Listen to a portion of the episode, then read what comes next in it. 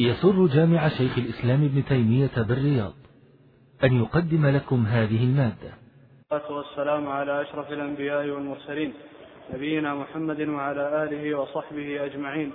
اللهم اغفر لنا ولشيخنا وجميع المسلمين. قال شيخ الإسلام رحمه الله وهذا الباب في كتاب الله كثير. من تدبر القرآن طالبا للهدى منه تبين له طريق الحق. ثم في سنة رسول الله صلى الله عليه وسلم.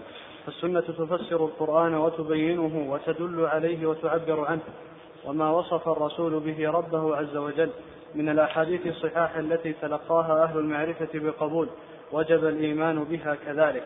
فمن ذلك قوله صلى الله عليه وسلم ينزل ربنا إلى السماء الدنيا كل ليلة حين يبقى ثلث الليل الآخر فيقول من يدعوني فأستجيب له من يسألني فأعطيه. من يستغفرني فأغفر له متفق عليه. وقوله لله أشد فرحا بتوبة عبده المؤمن التائب من أحدكم براحلته متفق عليه. وقوله صلى الله عليه وسلم يضحك الله إلى رجلين يقتل أحدهما الآخر كلاهما يدخل الجنة متفق عليه. وقوله صلى الله عليه وسلم عجب ربنا من قنوط عباده وقرب غير وقرب خيره. وقرب غيره.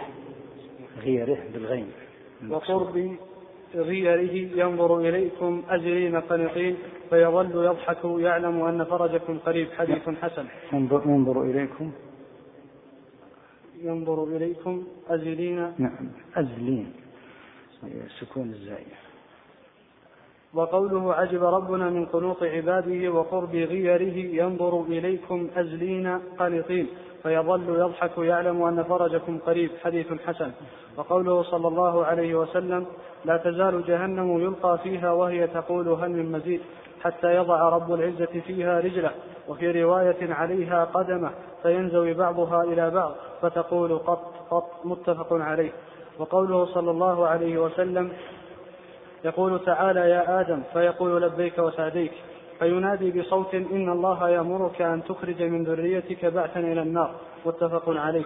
وقوله صلى الله عليه وسلم ما منكم من أحد إلا سيكلمه ربه وليس بينه وبينه ترجمان. وقوله صلى الله عليه وسلم في رقية المريض ربنا الله الذي في السماء تقدس اسمك أمرك في السماء والأرض كما رحمتك في السماء اجعل رحمتك في الأرض اغفر لنا حوبنا وخطايانا أنت رب الطيبين. أنزل رحمة من رحمتك وشفاء من شفائك على هذا الوجع فيبرأ. حديث حسن رواه أبو داود وغيره. وقوله صلى الله عليه وسلم ألا تأمنوني وأنا أمين من في السماء؟ حديث صحيح. وقوله صلى الله عليه وسلم والعرش فوق الماء والله فوق العرش وهو يعلم ما أنتم عليه. حديث حسن رواه أبو داود وغيره. وقوله صلى الله عليه وسلم للجارية أين الله؟ قالت في السماء قال من أنا؟ قالت أنت رسول الله. قال أعتقها فإنها مؤمنة رواه مسلم. وقوله صلى الله عليه وسلم أفضل الإيمان أن تعلم أن الله معك حيثما كنت حديث حسن. وقوله صلى الله عليه وسلم إذا قام أحدكم إلى الصلاة فلا يبصقن قبل وجهه ولا عن يمينه فإن الله قبل وجهه ولكن عن يساره أو تحت قدمه. متفق عليه. وقوله صلى الله عليه وسلم اللهم رب السماوات السبع والأرض ورب العرش العظيم ربنا ورب كل شيء فارق الحب والنوى. منزل التوراة والإنجيل والقرآن. أعوذ بك من شر نفسي ومن شر, ومن شر كل دابة أنت آخذ بناصيتها. أنت الأول فليس قبلك شيء وأنت الآخر فليس بعدك شيء وأنت الظاهر فليس فوقك شيء وأنت الباطن فليس دونك شيء. اقض عني الدين وأغنني من الفقر. رواه مسلم. وقوله صلى الله عليه وسلم لما رفع الصحابة أصواتهم للذكر أيها الناس أربعوا على أنفسكم فإنكم لا, تدعون, لا تدعون أصم ولا غائبا. إنما تدعون سميعا بصيرا قريبا.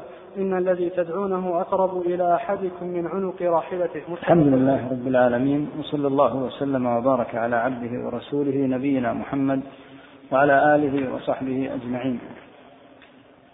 تكلم رحمه الله تعالى هنا في نصوص السنة بعد أن تكلم في نصوص القرآن. نصوص القرآن أشهر وأوضح لأن القرآن يقرأه المسلمون ونصوص السنة يحيط بها في الغالب طالب العلم الذي يلتمسها ويعرف مضانها ويدري بصحيحها من ضعيفها فبدأ رحمه الله تعالى في ذكر هذا في نصوص السنة. نصوص السنة لا شك أن أحاديث الصفات فيها يصعب جدا أن تحصى كثيرة للغاية حتى إن الصفة الواحدة تجد فيها من الأحاديث الثابتة الصحيحة تجد شيئا كثيرا من الأحاديث. والصفات من حيث ورودها من جهة النصوص تارة تكون واردة من طريق القرآن والسنة معا كالاستواء والعلم والسمع والبصر وغيرها. وتارة تنفرد السنة بشيء لم يرد في القرآن كالنزول إلى سماء الدنيا فإن هذا ورد في السنة ولم يرد في القرآن.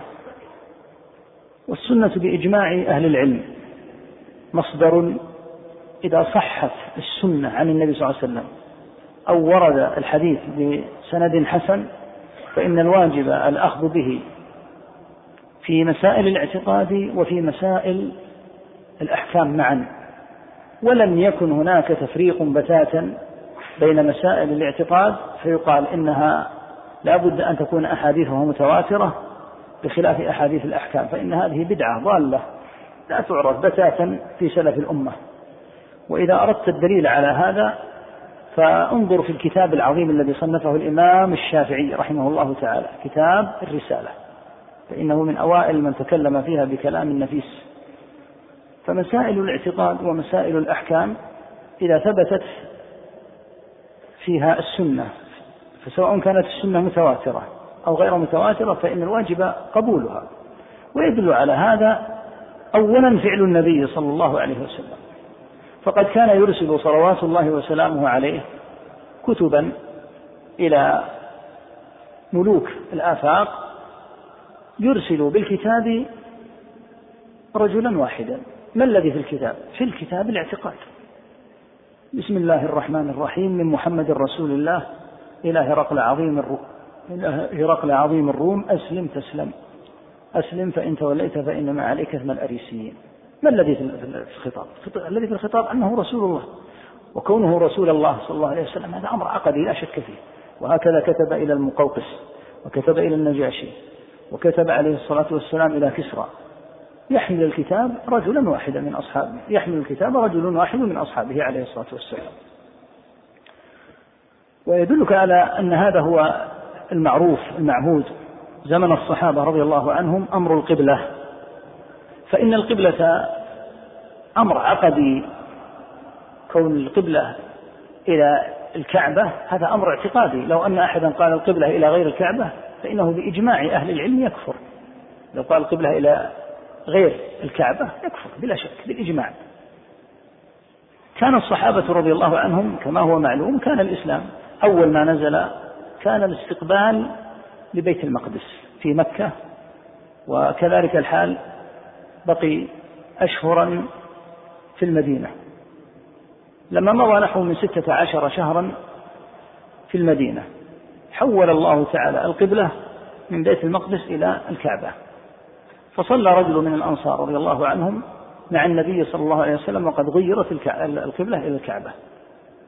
قبلة أهل المدينة الآن جهة الجنوب. ومعنى ذلك أنهم حين كانوا يستقبلون بيت المقدس أنهم كانوا يتجهون جهة الشمال. فصلى هذا الصحابي الجليل مع النبي صلى الله عليه وسلم وأتى مسجد قباء. وإذا بالناس يصلون إلى جهة بيت المقدس. فقال أشهد لصليت مع رسول الله صلى الله عليه وسلم إلى الكعبة. الآن يعني أنها اليوم غيرت الكعبة القبلة. ماذا فعل الصحابة هؤلاء؟ الإمام والمأمومون ما قالوا خبر واحد ما يثبت لأن الواحد ثقة. فتحول المأمومون مكان الإمام وتحول الإمام مكان المأمومين لأن الإمام متجه جهة الشمال وهم خلفه.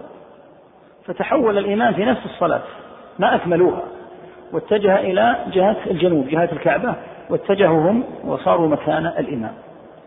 والمسألة الكعبة مسألة لا شك الاتجاه إلى القبلة الاتجاه إلى القبلة مسألة عقدية. لكن لما ثبت بطريق الواحد الثقة أن القبلة حولت قبلوا هذا رضي الله تعالى عنهم هذا هو المعروف. حتى جاءت بدعة الاعتزال والضلال قالوا إن الأحاديث لا تقبل في مسائل الاعتقاد إلا إذا كانت متواترة. هذه بدعة صلعاء لا تعرف بتاتا.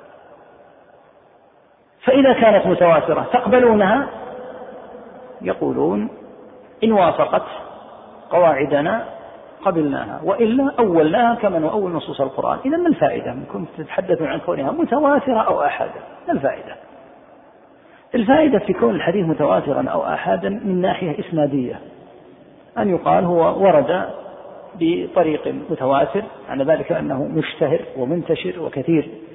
الانتشار في الأمة فتجده في الغالب في الأمصار كلها تجده في العراق في الشام في مصر في الحجاز تجد أنه منتشر لأنه متواتر يرويه مثلا من الصحابة ثلاثون كأحاديث الرؤيا يرويها نحو من ثلاثين صحابيا. نعم لا شك أنها متواترة وهكذا أحاديث الشفاعة في أحاديث معروفة فنقول هذه متواترة معنى أنها مشتهرة. فإذا جاءنا حديث واحد يرويه سيد الصحابة رضي الله عنهم أبو بكر. لم يثبت إلا من طريق أبي بكر. ما نتردد فيه ثابت عن النبي صلى الله عليه وسلم وأنعم وأكرم براويه رضي الله عنه وأرضاه. فكونه يروى بطريق واحد أو بعدة طرق ويكون هذا الطريق الواحد ثابتا لا شك أنه يقبل. والتفريق في القبول بين الأحد المتواتر هذه بدعة ولم يكن عليها علماء الإسلام حتى نشأت الضلالات وكان من ضمن ما نشأ من بدع المتكلمين هذا التفريق. يقول رحمه, رحمه الله تعالى ثم في سنة رسول الله صلى الله عليه وسلم يعني من النصوص التي وردت ورد وردت بالصفات كما ورد بها القرآن. فالسنة تفسر القرآن وتبينه وتدل عليه وتعبر عنه. السنة مع القرآن على ثلاثة أنحاء تارة تفسر القرآن كما سيأتينا إن شاء الله تعالى في أحاديث الرؤيا حين قال عليه الصلاة والسلام في قوله تعالى للذين أحسنوا الحسنى وزيادة الزيادة النظر إلى وجه الله. هذا تفسير تفسير منه عليه الصلاة والسلام القرآن. وتبينه يكون الأمر في القرآن في بعض الأحيان مجملا كقوله تعالى أقيموا الصلاة. إذا أردت أن تطيع الله بإقام الصلاة من خلال آيات القرآن لا تستطيع. القرآن ذكر الله فيه الركوع والسجود ذكر ذكر الله فيه استقبال القبلة ذكر الله إجمالا الصلوات وأقم الصلاة طرفي النهار وزلفا من الليل. لكن تحديد تفاصيل الصلاة من كون الظهر والعصر والعشاء أربع ركعات والفجر اثنتين والمغرب ثلاثا أين نجد هذا في القرآن؟ وهكذا تفاصيل الزكاة. أمر الله تعالى بالزكاة أقيموا الصلاة وآتوا الزكاة. هل الزكاة في كل مال وهل الزكاة تجب في كل وقت؟ فتأتي السنة لتبين أن الزكاة إنما تكون فيما بلغ النصاب وأن الزكاة لا تجب إلا في المال الذي حال عليه الحول وأن نصاب الإبل كذا ونصاب الأغنام كذا ونصاب البقر كذا وما لم يبلغ النصاب وكذلك المال وما لم يبلغ النصاب فإنه لا زكاة فيه ولا بد أن يحول عليه الحول. كل هذه التفاصيل لا توجد إلا في السنة. فالسنة تبين ما أجمل في القرآن. والسنة أيضا وهذا الأمر الثالث تزيد أحكاما لأن السنة وحي. كما قال حسان بن عطية رحمه الله كان جبريل ينزل بالسنة على النبي صلى الله عليه وسلم كما ينزل بالقرآن. الله تعالى يقول عن رسوله صلى الله عليه وسلم وما ينطق عن الهوى إن هو إلا وحي يوحى عليه الصلاة والسلام. فهو يوحى إليه صلوات الله وسلامه عليه سواء فيما أخبر أو فيما نهى أو فيما أمر أو فيما أمر أن يتعبد لله تعالى به ما يتكلم من قبل نفسه عليه الصلاة والسلام. فمن ذلك أنه عليه الصلاة والسلام نهى عن الجمع بين المرأة وعمتها. إذا تأملت المحرمات الواردة في سورة النساء حرمت عليكم أمهاتكم وبناتكم على آية وإذا بها لم يذكر فيها أمر الجمع بين المرأة وعمتها. فيقال لا يجوز أن يجمع بين المرأة وعمتها بالسنة ولا يجوز أن يجمع بين المرأة وأختها بالقرآن. فإن الله نهى عن جمع بين الأختين وفي السنة جاء في السنة بالزيادة الجمع بين المرأة وعمتها أو المرأة وخالتها. كل هذا يقبل سواء وردنا من القرآن أو من السنة. كله وحي من عند الله عز وجل. المهم أن تثبت السنة وألا يقع الإنسان في الأحاديث الموضوعة والمكذوبة عليه عليه الصلاة والسلام أو الأحاديث التي لا تثبت عنه. وهذا يحتاج فيه إلى ما ذكره الشيخ رحمه الله تعالى.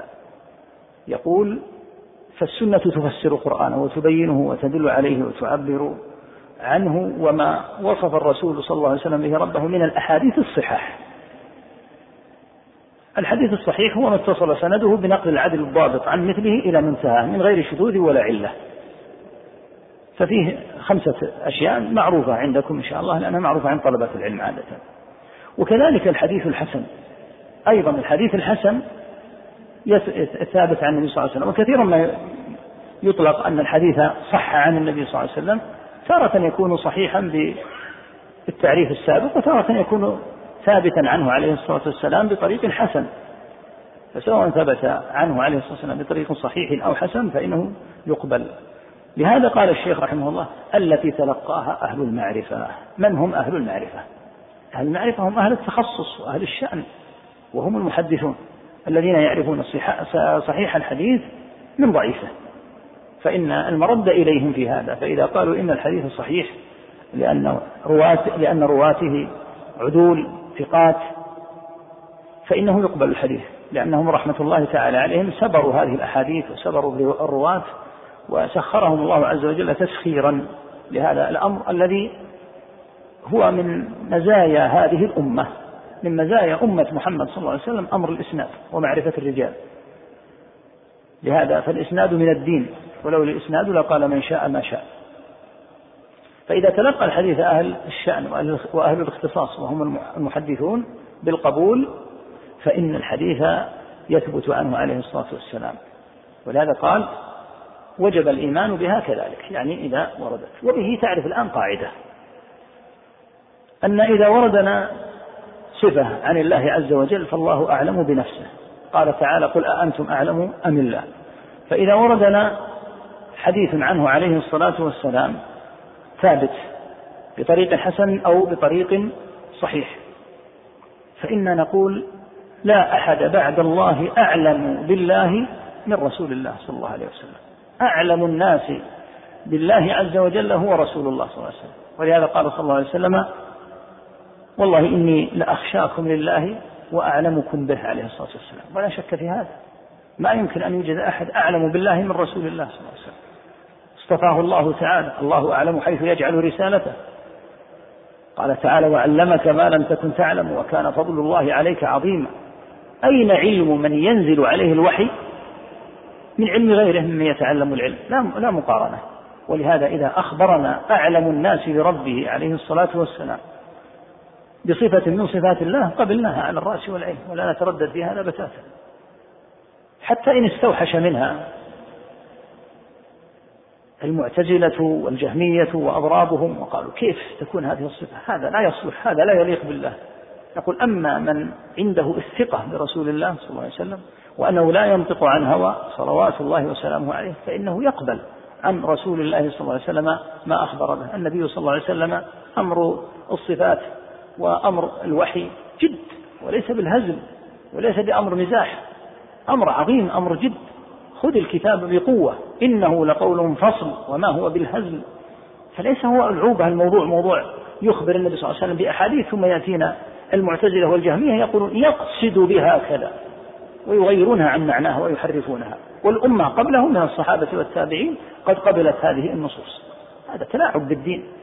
فتقر الصفات كما أخبر بها صلوات الله وسلامه عليه عن ربه فهو أعلم الناس وأنصح الأمة للأمة عليه الصلاة والسلام وأفصح وأبين صلوات الله وسلامه عليه في منطقه وفي كلامه وجمع له الحديث واختصر له اختصارا عليه الصلاة والسلام فلا أحد أعلم بالله منه ولا أحد أنصح للأمة منه ولا أحد أفصح وأبين منه صلوات الله وسلامه عليه فيجب قبول أحاديثه عليه الصلاة والسلام سواء في الصفات أو في الأحكام أو في أي باب فهو عليه الصلاة والسلام إنما يخبر عما يوحى به إليه. بدأ رحمه الله بذكر حديث النزول.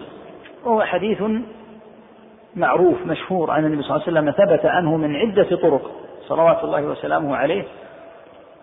يقول صلى الله عليه وسلم ينزل ربنا إلى سماء الدنيا كل ليلة حين يبقى ثلث الليل الآخر. يعني إذا بقي من الليل ثلثه. فإذا كان الليل من اثنتي عشرة ساعة فإنه إذا بقي على الفجر أربع ساعات فإنه يكون وقت الثلث الأخير. وإذا كان الليل في الصيف قصيرا كما هو الآن نحو من تسع ساعات فإن الثلث الأخير من الليل يبدأ إذا بقي على الفجر ثلاث ساعات.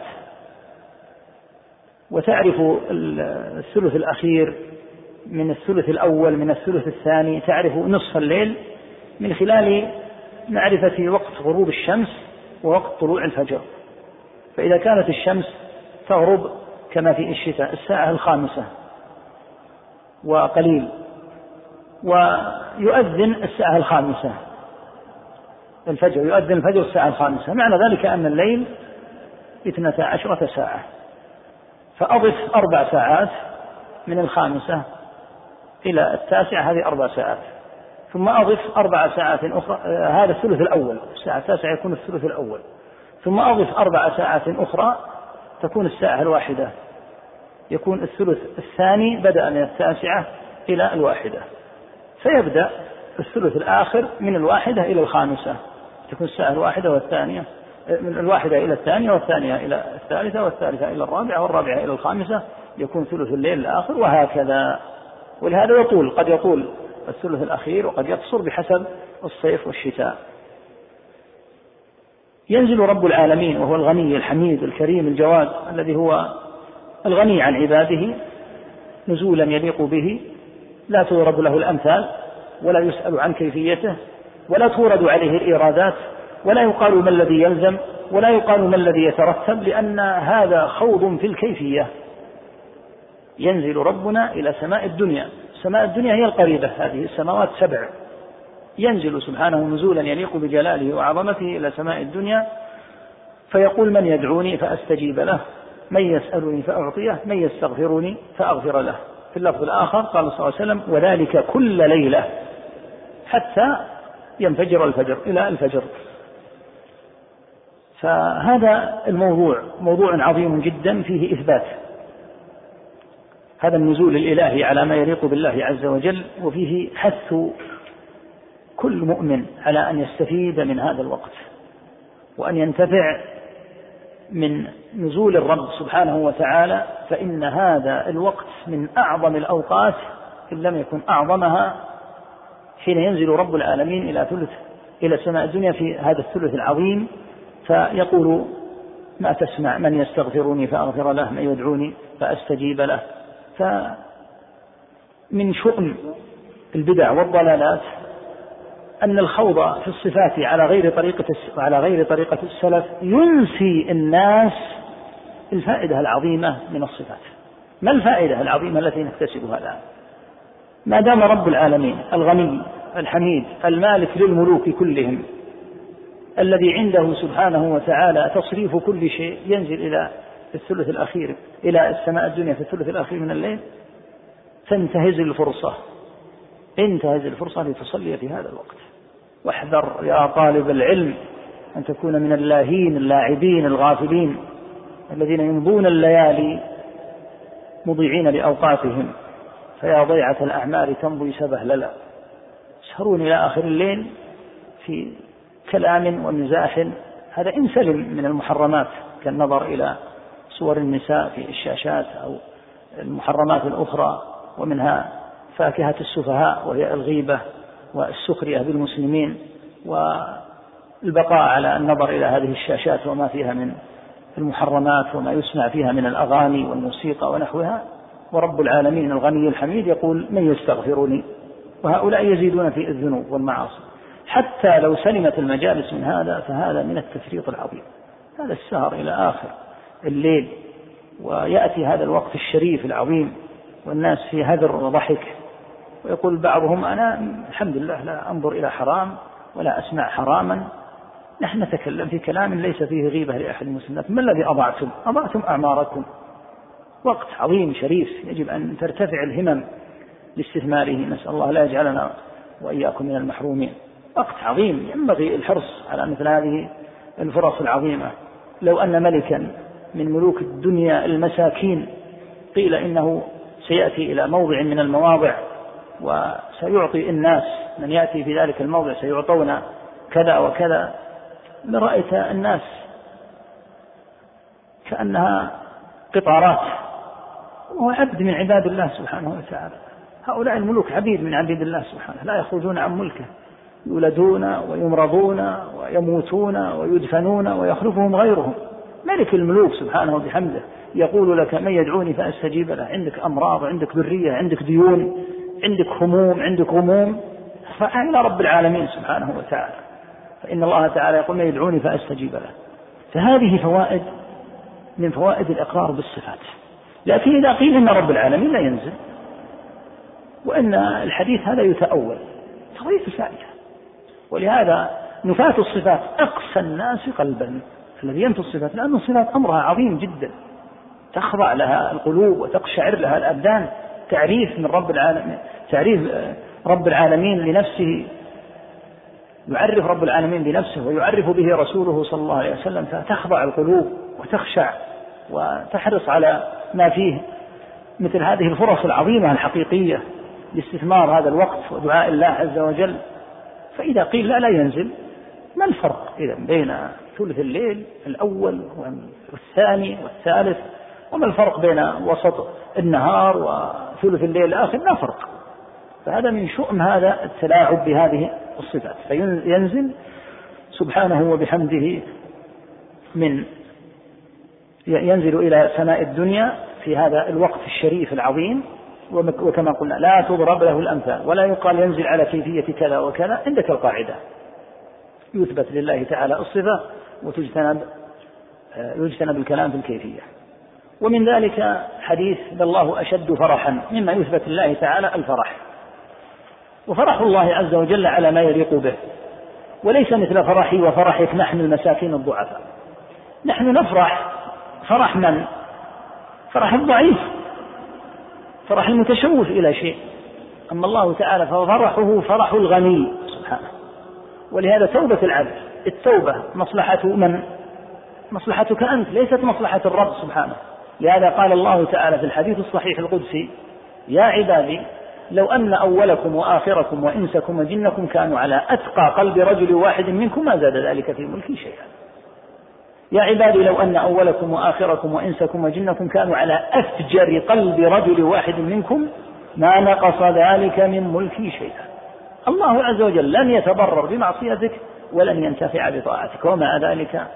فضل منه ومنة عز وجل وكرم وإحسان وعظمة صفات أنه يفرح بتوبتك التي ستنتفع أنت بها مع أنه تعالى لا تضره معصية العاصي ولا تنفعه طاعة الطائف فيفرح لا كفرحنا سبحانه لأن فرحنا بالشيء فرح دائما فرحنا بالشيء فرح المتشوف إلى أمر يحبه لحاجته إليه. لهذا أنت إذا درست ونجحت. فلأنك لا تستطيع أن تنجح لزاما وتقدر هذا تقديرا تبذل أسبابا وتحاول حتى يتحقق لك النجاح فتفرح حيلة ابن آدم المسكين الضعيف. أما الله ففرحه ليس كفرحك بل هو فرح الغني سبحانه وتعالى عنك وعن عملك وعن طاعتك سبحانه وبحمده. فيفرح فرحا يليق بجلاله وعظمته. وعندنا القاعدة الصفة تضاف إلى الموصوف فبحسب الموصوف. فإذا أضيفت الصفة إلى العبد فهي صفة ضعيف والصفة نفسها ضعيفة.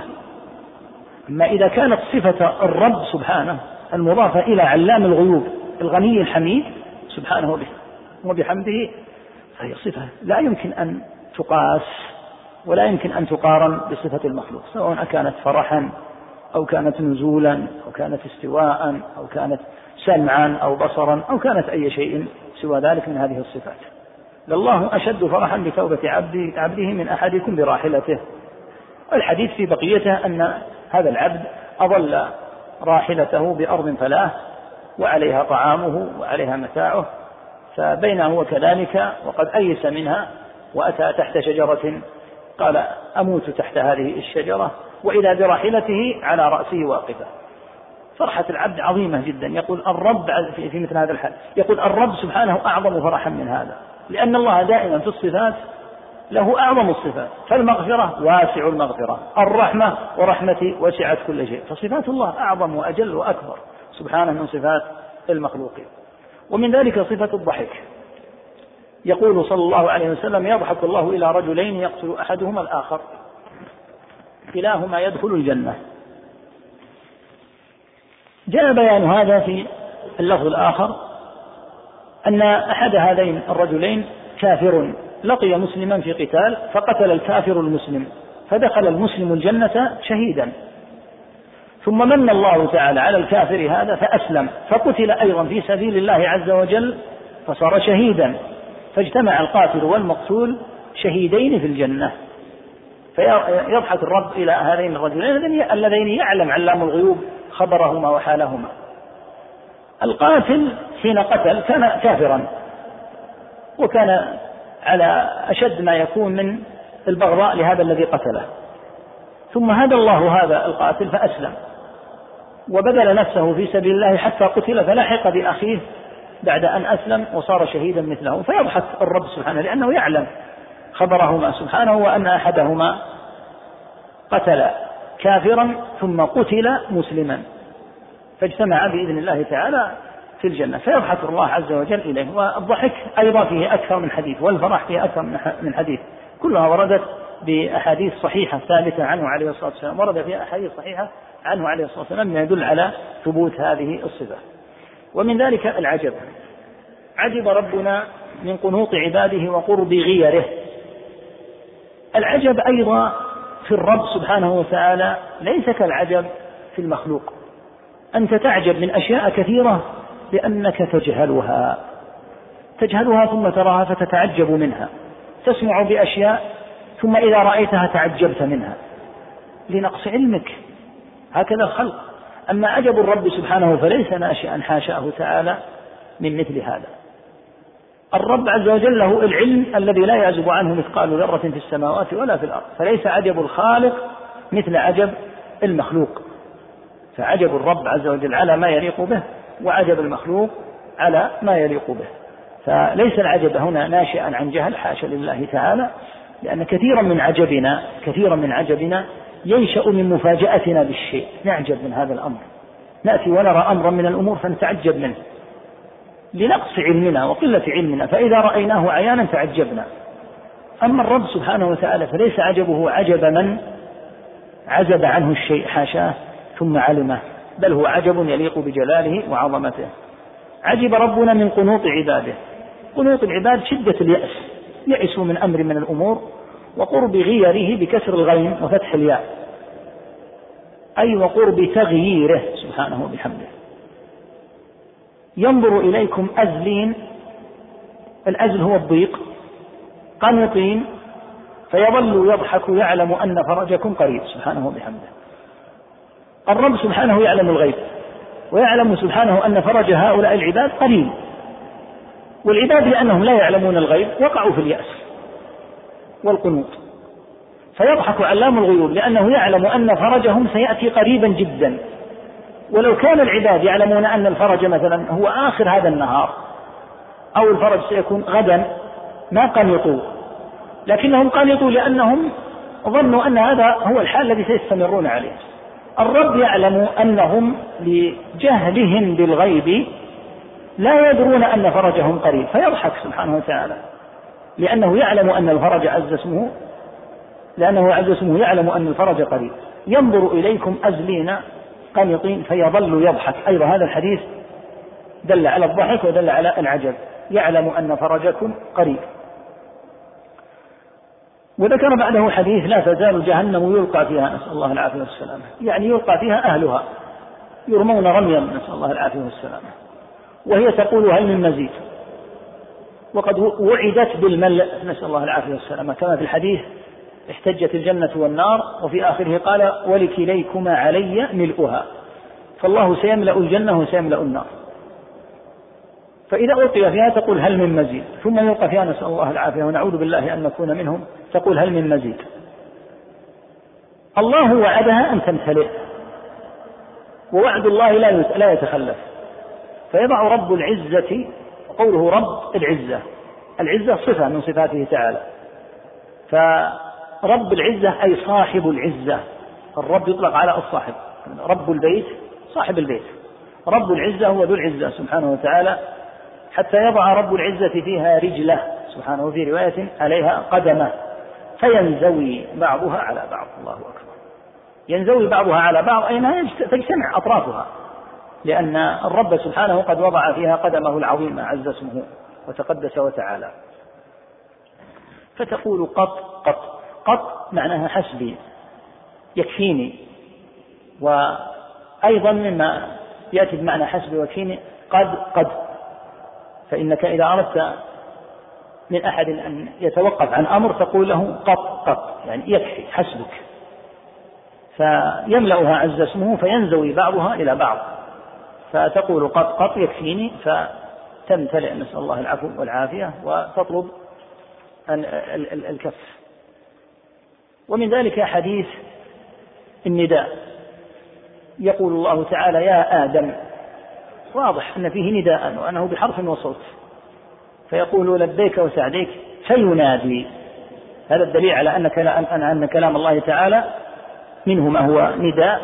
كما قال تعالى وناديناه من جانب الطور الأيمن ومنه ما يكون نجاء وقربناه نجيا. وقلنا إن إن النداء يكون هو الكلام من بعد والنجاء هو الكلام من قرب.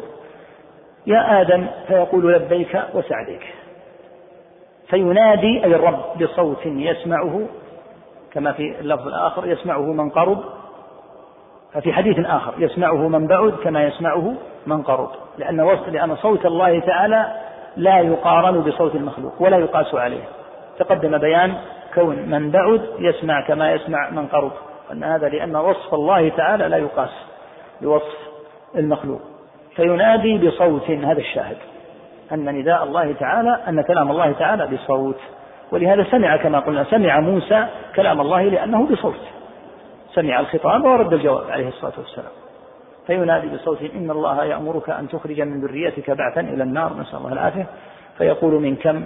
فيقول من كل مائة تسعة وتسعون نسأل الله العافية والسلامة. يعني أن أهل النار كثير جدا فيدخل النار عياذا بالله تسعة وتسعون وينجو واحد. ثم ذكر حديث ما منكم من أحد إلا سيكلمه ربه. هذا أيضا فيه إثبات الكلام.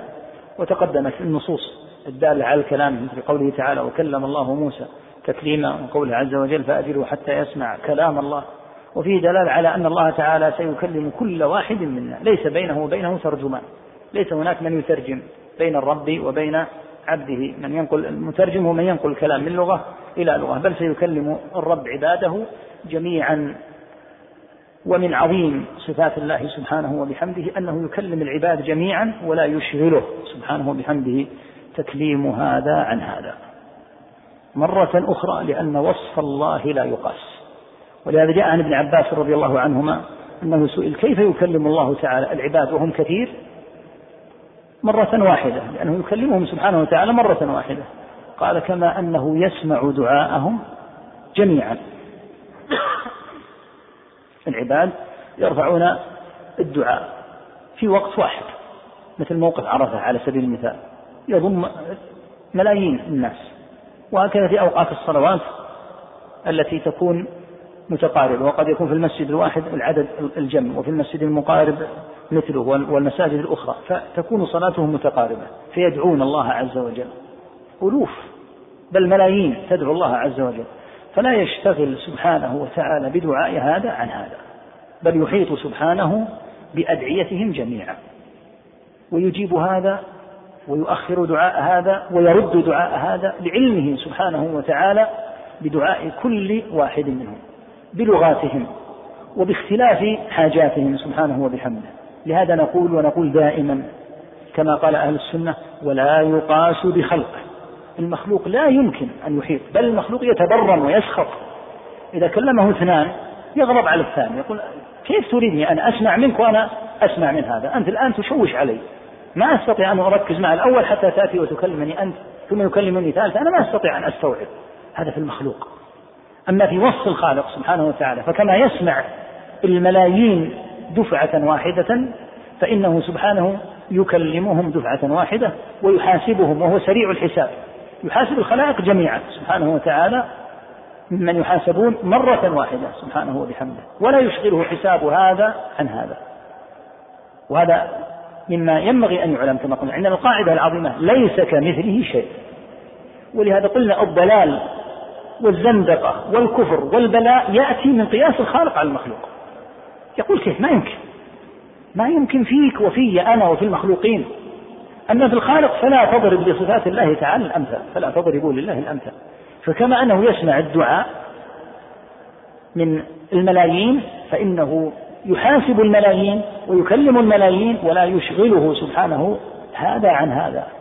فهذا ينجو بعد كلام الله وهذا يعاقب وهذا يستر عليه وهذا قد يكون من أهل الأعراف فيؤجل لا يكون من أهل الجنة ولا من أهل النار. كل هؤلاء يحاسبون ولا يشغله سبحانه وتعالى شأن عن شأن كما أنه يعلمهم. يعلم أن هذا عمل كذا وكذا وكذا وهذا عمل كذا وكذا وأن هذا استحق كذا وكذا وأن هذا من أهل الجنة وأن هذا من أهل النار وأن هذا يعاقب وأن هذا يكون من أهل الأعراف. فلا يشغله سبحانه وتعالى. العلم بهذا العبد عن العلم بذاك العبد ولا يشغله سبحانه وتعالى. دعاء هذا العبد عن دعاء هذا العبد ولا يشغله كلام هذا العبد عن هذا العبد لأنه لا يقاس بخلقه سبحانه وتعالى. ثم ذكر ما يتعلق بالعلو لله عز وجل وتقدم الكلام عليه. ذكر في رقية المريض هذا الدعاء. ربنا الله الذي في السماء تقدس اسمك أمرك في السماء والأرض كما رحمتك في السماء. اجعل رحمتك في الأرض اغفر لنا حوبنا وخطايانا. الحوب هو الذنب لكن إذا اجتمع الحوب والخطايا يكون الحوب للكبائر والخطايا للصغائر وإذا أطلق الحوب فإنه يجمع الخطايا كلها سواء كانت صغيرة أو كبيرة. أنت رب الطيبين أنزل رحمة من رحمتك وشفاء من شفائك. الشاهد قوله ربنا الله الذي في السماء. وهكذا قوله صلى الله عليه وسلم لما قال الخارجي إنها قسمة ما أريد بها وجه الله. نسأل الله العافية ما أعجب الخوارج. ما أعجب الخوارج وأقل حياءهم. يقول مقدم الخوارج الأول للنبي صلى الله عليه وسلم في رعاعة دنيا لما قسم عليه الصلاة والسلام قال اتق الله يا محمد اعدل فإني لا أراك تعدل. فقال عليه الصلاة والسلام ألا تأمنوني وأنا أمين من في السماء؟ يأتيني خبر السماء صباحا ومساء يعني أمن أمنني الله عز وجل على وحيه ولا تأمنوني على هذه على هذا الحطام. ألا تأمنوني وأنا أمين من في السماء؟ هذا الشاهد. كقوله ربنا الله الذي في السماء. وهكذا قوله صلى الله عليه وسلم في الحديث والعرش والله فوق العرش وهو يعلم ما أنتم عليه. أخبر عليه الصلاة والسلام بأن بين السماء الدنيا بين الأرض والسماء الدنيا مسيرة مسيرة خمسمائة سنة. وبين السماء الدنيا والتي تليها خمسمائة وهكذا التي تليها وبين السماء السابعة. وبين البحر الذي الماء الذي عليه العرش وكان عرشه على الماء مسيرة خمسمائة سنة وبين الماء والعرش خمسمائة سنة والله فوق ذلك. والله فوق العرش سبحانه وتعالى وهو يعلم ما أنتم عليه. يعني وهو سبحانه في عليائه العظيمة لا يعزب عنه سبحانه شيء ما أنتم عليه حتى مما توسوس به الصدور. ولقد خلقنا الإنسان ونعلم ما توسوس به نفسه. واعلموا أن الله يعلم ما في أنفسكم فاحذروه. فلا يخفى عليه شيء وهو سبحانه وتعالى فوق السماوات على عرشه مستوي سبحانه. وهكذا قوله للجارية أين الله؟ قالت في السماء. الجارية هذه أراد معاوية بن الحكم رضي الله عنه أن يعتقها. فقال عليه الصلاة والسلام ائتني بها. سألها سؤالان حتى يعرف هل هي مؤمنة لتعتق. قال أين الله؟ قالت في السماء قال من أنا؟ قالت رسول الله. قال أعتقها فإنها مؤمنة. لأنها عرفت ربها وعرفت نبيها عليه الصلاة والسلام. فالشاهد قولها في السماء فأقرها صلى الله عليه وسلم على ذلك. وذكر حديث أفضل الإيمان أن تعلم أن الله معك أينما كنت المعية معية الله عز وجل. فالله فوق السماوات سبحانه وتعالى وهو مع عباده لا يعزب عنه مثقال ذرة في السماوات ولا في الأرض وقلنا إن المعية نوعان معية عامة وهي معية إحاطة بالجميع من مسلم وكافر ورطب ويابس وما في السماوات وما في الأرض فإن الله محيط به. والنوع الثاني المعية الخاصة التي تقتضي النصرة والتأييد وهي خاصة بالمؤمنين. إن الله مع الذين اتقوا. وقوله عز وجل لموسى وهارون إنني معكما أسمع وأرى. إلى آخره ما تقدم ذكره. الشاهد قوله أفضل الإيمان أن تعلم أن الله معك أينما كنت أن ترقب الله سبحانه سواء كنت في بر أو في بحر أو أغلقت على نفسك الباب أو خرجت خارج البلاد ولا يعرف بك أحد من أهل تلك البلاد أنت تعلم أن الله معك وأنه إن غاب المخلوقون فإن الرب عز وجل لا يغيب عنه شيء. فهذا أفضل الإيمان أن تراقب الله تعالى أن تعلم أن الله معك حيثما كنت. ثم ذكر حديث إذا قام أحدكم إلى الصلاة فلا يبصق قبل وجهه يعني لا يجوز عياذا بالله أن يدخل الإنسان وهو يصلي أمامه هذا محرم ولا يجوز. ولا عن يمينه لأن عن يمينه ملكا ولكن عن يساره يدخل عن يساره. وهذا قطعا في المساجد التي تكون مثلا في المواضع التي تكون مثلا من الحصباء وإذا لم يتأذى بها أحد. فقد تكون من الحصباء ومن التراب كالمساجد القديمة. فيدخل فيمكن أن يدفنها في مثل هذه الحال. ولا يكون هذا في المساجد المفروشة. المساجد المفروشة لا يتأتى فيها هذا يبقى فيها هذا الأذى. ولا عن يمينه ولكن عن يساره أو تحت قدمه. في اللفظ الآخر أخبر عليه الصلاة والسلام قال أو ليقل هكذا فأخذ صلى الله عليه وسلم طرف ثوبه وتفل فيه ودلكه المهم أن لا يدخل أمامه لا يحل هذا. لما؟ لأن الله قبل وجهه. إذا صلى المصلي أقبل الله تعالى عليه. فالله تعالى كما تقدم في نصوص القرآن وفي نصوص السنة ومحل إجماع أهل السنة أن الله تعالى في السماء ولكنه سبحانه وتعالى يقبل على المصلي سبحانه بحمده إذا إذا هو صلى وهذا من فضل الصلاة وعظيم قدرها فإن الله تعالى يقبل على المصلي. فإذا أقبل الله تعالى عليه فلا يحل ولا يجوز ولا يسوغ بتاتا أن يدخل قبل وجهه. وليس معنى ذلك أن الله بين العبد وبين الجدار لا ليس هذا هو المراد. بل الله عز وجل في السماء ويقبل على عبده سبحانه وتعالى كما يليق بجلاله وعظمته. ثم ذكر الحديث اللهم رب السماوات السبع ورب العرش العظيم ربنا ورب كل شيء فالق الحب والنوى منزل التوراة والإنجيل والقرآن أعوذ بك من شر نفسي من شر كل دابة أنت آخذ بناصيتها أنت الأول فليس قبلك شيء. لاحظ الآن تفسير السنة للقرآن كما قلنا.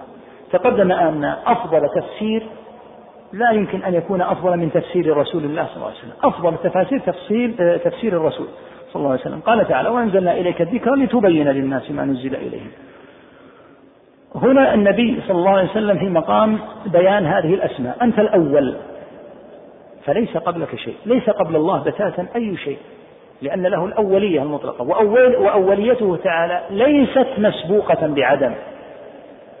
لهذا أنكر أهل العلم أن يطلق القديم لأن القديم يكون مسبوقا. كما قال تعالى أنتم وآباؤكم الأقدمون. آباؤنا الأقدمون قبلهم آباؤهم الأقدمون وقبلهم أجدادنا الأقدمون. ولهذا لا يطلق على الله القديم. فيطلق فيسمى سبحانه وتعالى بالأول. أنت الأول. الأول بينه النبي صلى الله عليه وسلم معناه. فليس قبلك شيء. وأنت الآخر فليس بعدك شيء ليس بعد الله تعالى شيء. الله تعالى هو الباقي وحده. كل من عليها فان ويبقى وجه ربك ذو الجلال والإكرام. فإذا أراد الله سبحانه وبحمده. إنهاء هذه الدنيا مات كل الأحياء ولم يبق إلا هو. فصار هو الفرد كما كان أولا صار هو الفرد سبحانه وتعالى آخرا. فهو الأول فليس قبله شيء وهو الآخر فليس بعده شيء. قال تعالى كل من عليها فان ويبقى وجه ربك ذو الجلال والإكرام. فهو الآخر فليس بعده سبحانه وبحمده شيء. ثم قال وأنت الظاهر فليس فوقك شيء. نص صريح جدا في علو الله تعالى. الظهور معناه العلو. كما في حديث لا تزال طائفة من هذه الأمة ظاهرين أي أنهم يعلون من سواهم. وقال تعالى في خبر يأجوج ومأجوج فما استطاعوا أن فما استطاعوا فما استطاعوا أن يظهروه وما استطاعوا فما استطاعوا أن يظهروه وما استطاعوا له نقبا. لم يستطيعوا أن يظهروه أي أن يعلوه ويرتفعوا عليه. فالظاهر هو العالي الذي ليس فوقه شيء. أنت الظاهر فليس فوقك شيء وأنت الباطن فليس دونك شيء من جهة الإحاطة فإنه محيط بكل شيء سبحانه وتعالى. فصار هذا صارت هذه الأسماء الاسمان الأولان الأول والآخر يتعلقان بالزمان والظاهر والباطن يتعلقان بالمكان فالرب عز اسمه ليس قبله أحد وليس بعده أحد سبحانه وبحمده. وهكذا ليس فوقه أحد وليس دونه أحد سبحانه جل في علاه. أنت الأول فليس قبلك شيء وأنت الآخر فليس بعدك شيء وأنت الظاهر فليس فوقك شيء وأنت الباطن فليس دونك شيء. ثم ذكر هذا الدعاء بعد هذا التعظيم العظيم لله قال اقضي عني الدين لأمر الدين وثقله وشدته. فسأل الله هذه الأسئلة العظيمة بهذه الأسماء وبهذه الصفات سائلا الله تعالى أن يقضي عنه الدين وأن يغنيه من الفقر. وهذا يدل على شدة الدين. وعلى أن هذا التوسل العظيم بهذه الأسماء والصفات يسوق ولا بأس به وحسن أن تطلب به أمرا دنيويا كقضاء الدين أو أن تطلب به شفاء مرضك أو أن يؤمن الله روعتك ونحو ذلك. كل هذا لا إشكال فيه. فتدعو الله تعالى بأمر الدنيا والآخرة معا. لما رفع الصحابة رضي الله عنهم أصواتهم بالذكر الذكر لا ينبغي أن يرفع الصوت به إلا في المواطن التي ورد فيها رفع الصوت. مثل التلبية ومثل بعد السلام. من بعد السلام هذا من السنن التي تكاد تموت للأسف. بعد السلام يشرع رفع الصوت رفعا ليس شديدا يعني بحيث أنه يصاح به لكن إذا صار كل واحد يستغفر يقول أستغفر الله أستغفر الله أستغفر الله اللهم أنت السلام ومنك السلام إلى آخره. هذا وهذا والذي في آخر المسجد والذي في وسطه يكون هناك ارتفاع للصوت. لهذا كان الصحابة رضي الله عنهم يعرفون انقضاء صلاة النبي صلى الله عليه وسلم بالتكبير.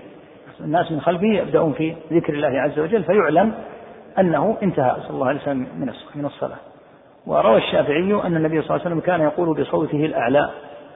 يعني أنه كان يرفع صوته بالذكر بعد السلام. وفي البخاري أن الذكر بعد السلام زمن ابن الزبير في المسجد الحرام كان لهم به لجة. في الصوت جلبة لكن خفى خفتت للأسف هذه السنة وقلت. فلا يعني ذلك الصراخ والصياح الشديد للذكر لأن هذا غير مشروع ولكن يكون بالوضع الذي ذكرنا. أما بقية الأذكار فالأصل أن تكون بغير صوت رفيع حتى القرآن لا يشرع الجهر به على من يقرأ فأنت تقرأ وأخوك يقرأ فإذا رفعت صوتك عليه فإن هذا يشوش عليه لأنه هو يقرأ ويناجي ربه وأنت تقرأ وتناجي ربك فكذلك الحال. لكن المواضع التي جاءت السنة بالدلالة على رفع الصوت فيها فإنه يرفع الصوت كالتلبية يشرع الصوت يشرع رفع الصوت بها بها. وهكذا مثل ما قلنا الذكر بعد السلام بعد فراغ من الصلاة. وما ورد أما بقية المواضع فإنه لا يشرع رفع الصوت به. قال عليه الصلاة والسلام أربعوا على أنفسكم. أمرهم بالترفق.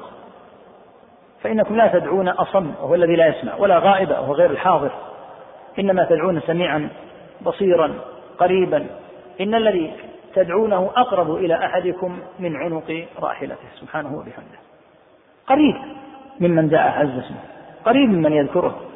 فلا حاجة إلى أن تصيح وترفع الصوت. الأصم الذي لا يسمع إلا بكلفة يحتاج إلى أن يرفع الصوت به وهكذا الغائب. أما الرب تعالى فليس أصم ولا غائبا فهو على عرشه فوق سماواته ومع ذلك أقرب إلى الواحد منا من عنق راحلته. الراحلة الراكب على الراحلة. عنق الراحلة قريب جدا منه. ومع ذلك فالله أقرب إلى العبد من عنق راحلته. وليس معنى ذلك الاختلاط. أن الله مختلط بعباده بل هو أقرب إلى عباده وهو فوق عرشه سبحانه. نعم. وقوله صلى الله عليه وسلم إنكم سترون ربكم كما ترون القمر ليلة البدر. لا تضامون في رؤيته. فإن استطعتم أن لا تغلبوا لا, لا, لا تضامون أو لا تضامون. نعم. فإن استطعتم أن لا تغلبوا على صلاة قبل طلوع الشمس وصلاة قبل غروبها فافعلوا. متفق عليه. إلى أمثال هذه الأحاديث التي يخبر فيها رسول الله صلى الله عليه وسلم عن ربه بما يخبر به. فإن فرقة الناجية أهل السنة والجماعة يؤمنون بذلك. كما يؤمنون بما أخبر الله به في كتابه من غير تحريف ولا تعطيل ومن غير تكييف ولا تمثيل نعم ذكر ما يتعلق برؤية الله. والرؤية ثبتت أحاديثها عن النبي عليه الصلاة والسلام متواترة وردت عن نحو من ثلاثين من الصحابة رضي الله تعالى عنهم وأرضاهم. وألف فيها الدار قطني رحمه الله تعالى كتابا وأوردها اللالكائي رحمه الله تعالى في سياقين كبيرين جدا. في كتابه العظيم شرح أصول اعتقاد أهل السنة واعتنى بها ابن القيم في كتابه حادي الأرواح وذكر الأحاديث وتفسير تفسير النبي صلى الله عليه وسلم للقرآن الدال على الرؤية وذكر تفاسير الصحابة رضي الله عنهم للآيات الدالة على الرؤية وذكر أقوال الصحابة وأقوال التابعين وأقوال الأئمة كأحمد ومالك والشافعي وابن المبارك وغيرهم. فذكر كلامهم بما هو محل إجماع عند أهل السنة أن المؤمنين يرون ربهم. قال كما ترون القمر ليلة البدر. القمر في العلو كما هو معلوم. لا تضامون لا تضامون من الضيم وهو الظلم. لا تضامون في رؤيته. بضم التاء وتخفيف الميم. لا تضامون أي لا يلحقكم ضيم أو لا تضامون. بفتح التاء وتشديد الميم. من التضام لا تحتاجون أن ينضم بعضكم إلى بعض لأن القمر فوق فلا حاجة إلى أن ينضم الناس حتى يروه بل هو في العلو يستطيع كل واحد أن يراه يرفع رأسه ويراه فهذا تشبيه لرؤية الرب برؤية القمر وليس تشبيها للرب بالقمر بل تشبيه للرؤية بالرؤية. ترون ربكم يعني أن رؤيتكم لربكم كما أنكم ترون القمر. وهذا يدل على أن الله تعالى في العلو وأنهم يرفعون إليه عز اسمه رؤوسهم كما يرفعون رؤوسهم إلى القمر. فإن استطعتم ألا تغلبوا على صلاة قبل طلوع الشمس وصلاة قبل غروبها فافعلوا. والمراد بهاتين الصلاتين أعظم الصلوات صلاة الفجر وصلاة العصر. في هذا الدلالة على عظم شأن هاتين الصلاتين. وأن المحافظ عليهما يكون من أجله أن يرى رب العالمين في الجنة. نسأل الله الكريم فضله هذا من عظم شأن الصلاة. الصلاة من أعظم الأعمال. كما ورد في الحديث الصلاة خير موضوع. الصلاة شأنها عظيم جدا. والله يجازي أهلها أعظم الجزاء. فإذا صلوها في وقتها في جماعة المسلمين فإن شأن هذه الصلاة كبير كبير جدا عند الله تعالى. فمن حافظ على هاتين الصلاتين فصلى الفجر قبل طلوع الشمس وصلى العصر قبل غروبها صلاهما في وقتهما. فإنه يكون من ثوابه أن يرى رب العالمين في الجنة. فالأحاديث في هذا كثيرة جدا متواترة عنه عليه الصلاة والسلام. لا يستشك أهل السنة. ونفي الرؤية أمر عظيم وخطير جدا على من نفاه. حتى صرح بعض أهل العلم بكفر من نفى من نفى الرؤية. الرؤية أدلتها جلية جدا في كتاب الله كما تقدم. وفي السنة بهذا العدد الكبير من الصحابة رضي الله عنهم. وإذا تواتر في جيل الصحابة فهو في جيل التابعين أكثر تواترا. ثم بعده في أتباع التابعين فتكون مسألة معلومة لهذا تجد إجماع الصحابة والتابعين وأتباعهم وعلماء الأمة على هذا الأمر لأنه من الوضوح الشديد الذي لا يخفى شديد الوضوح. فأمر الرؤية أمر متواتر ورد هذه المسألة العظيمة رد صريح لنصوص القرآن والسنة. ثم قال رحمه الله إلى أمثال هذه الأحاديث يعني سواء هذا الذي أوردناه أو أحاديث كثيرة جدا وهي الأكثر الذي لم يريد رحمه الله أكثر من الذي أورد أحاديث كثيرة جدا يخبر فيها رسول الله صلى الله عليه وسلم عن ربه. يخبر عن رب العالمين خبر الصادق المصدوق صلوات الله وسلامه عليه. فالأمة الصادقة في اتباعه عليه الصلاة والسلام وهم الفرقة الناجية. أهل السنة والجماعة يؤمنون بذلك كما يؤمنون بما أخبر الله به في كتابه. يعني كما أننا نؤمن بما تقدم من الآيات التي أثبتت الصفات فإنا نؤمن بهذه الأحاديث التي أثبتت الصفات. لما تقدم من أن هذا كله من عند الله عز وجل. ثم قال من غير تحريف ولا تعطيل ومن غير تكييف ولا تمثيل أي أن هذا الأسلوب الذي نتعامل به مع نصوص القرآن هو الأسلوب الذي نتعامل به مع نصوص السنة. على ظاهرها لا نحرف لا نعطل لا نكيف لا نمثل. نعم. بل هم الوسط في فرق الأمة كما أن الأمة هي الوسط في الأمم. فهو وسط في باب صفات الله سبحانه وتعالى بين أهل التعطيل الجهمية وأهل التمثيل المشبهة.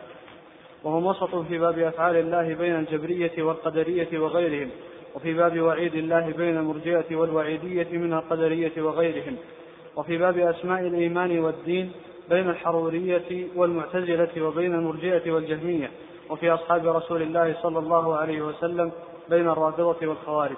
يقول الله تعالى وكذلك جعلناكم أمة وسطا. فهذه الأمة وسط بين الأمم وهي أعظم الأمم وهي الشاهد على الأمم. لهذا قال تعالى وكذلك جعلناكم أمة وسطا لتكونوا شهداء على الناس. فهذه أفضل الأمم. منهجها هو الوسط والوسط ما هو؟ فسره رسول الله صلى الله عليه وسلم كما في البخاري الوسط هو العدل. فالأمر كما قال أبو بكر بن عياش رحمه الله أهل السنة وسط في الفرق كما أن الإسلام وسط في الأديان. الذين على الإسلام الصافي النقي الصحيح هم أهل السنة. والإسلام وسط. لهذا تجلت الوسطية على أكمل ما تكون في أهل السنة كما سيأتي بيانه إن شاء الله تعالى. معنى الوسط في اللغة هو الذي يكون بين طرفين. الوسط هو الذي يكون بين طرفين من حيث اللغة. وسطية الأمة بينها عليه الصلاة والسلام بأنها هو عدلها ولهذا في تفاسير السلف أنهم وكذلك جعلناكم أمة وسطا قالوا عدولا خيارا. فهذه الأمة أعدل الأمم وأوسط الأمم وهي خيرة الله عز وجل في هذه الأمم في هذه الأمم. أهل السنة هم الذين حملوا الإسلام الصافي النقي. فلهذا هم الوسط في هذه الفرق. وما أضر الأمة مثل الإفراط والتفريط. الإفراط والتفريط هو الذي أضر بالأمة هذا الإضرار الشديد. والوسط ينبغي أن يعلم فيه قاعدة كبيرة جدا. يجب أن يؤمن بها كل من يشهد أن محمدا رسول الله عليه الصلاة والسلام. الوسط هو الذي كان عليه رسول الله صلى الله عليه وسلم. فالذي على المنهج الذي عليه رسول الله صلى الله عليه وسلم لا بد أن يحكم بأنه هو الوسط. لو قال أحد إن رسول الله صلى الله عليه وسلم ليس على الوسط يكفر بإجماع المسلمين لأن الوسط هو المنهج الذي عليه الأمة. كذلك جعلناكم أمة وسطا لو قال إن رسول الله صلى الله عليه وسلم ليس على الوسط يكون على ماذا؟ ليس بعد الوسط إلا الإفراط أو التفريط فلو قال في رسول الله صلى الله عليه وسلم مثل هاتين الكلمتين عياذا بالله لخرج من الملة. إذا رسول الله صلى الله عليه وسلم على الوسط. فمن هو الوسطي؟ الذي ينهج منهج رسول الله صلى الله عليه وسلم.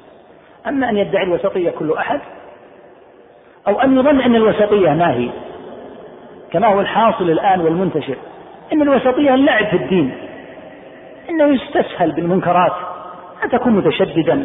لا تكون على هذا الجانب من الحماس بدينك والاهتمام والغيرة لله ورسوله.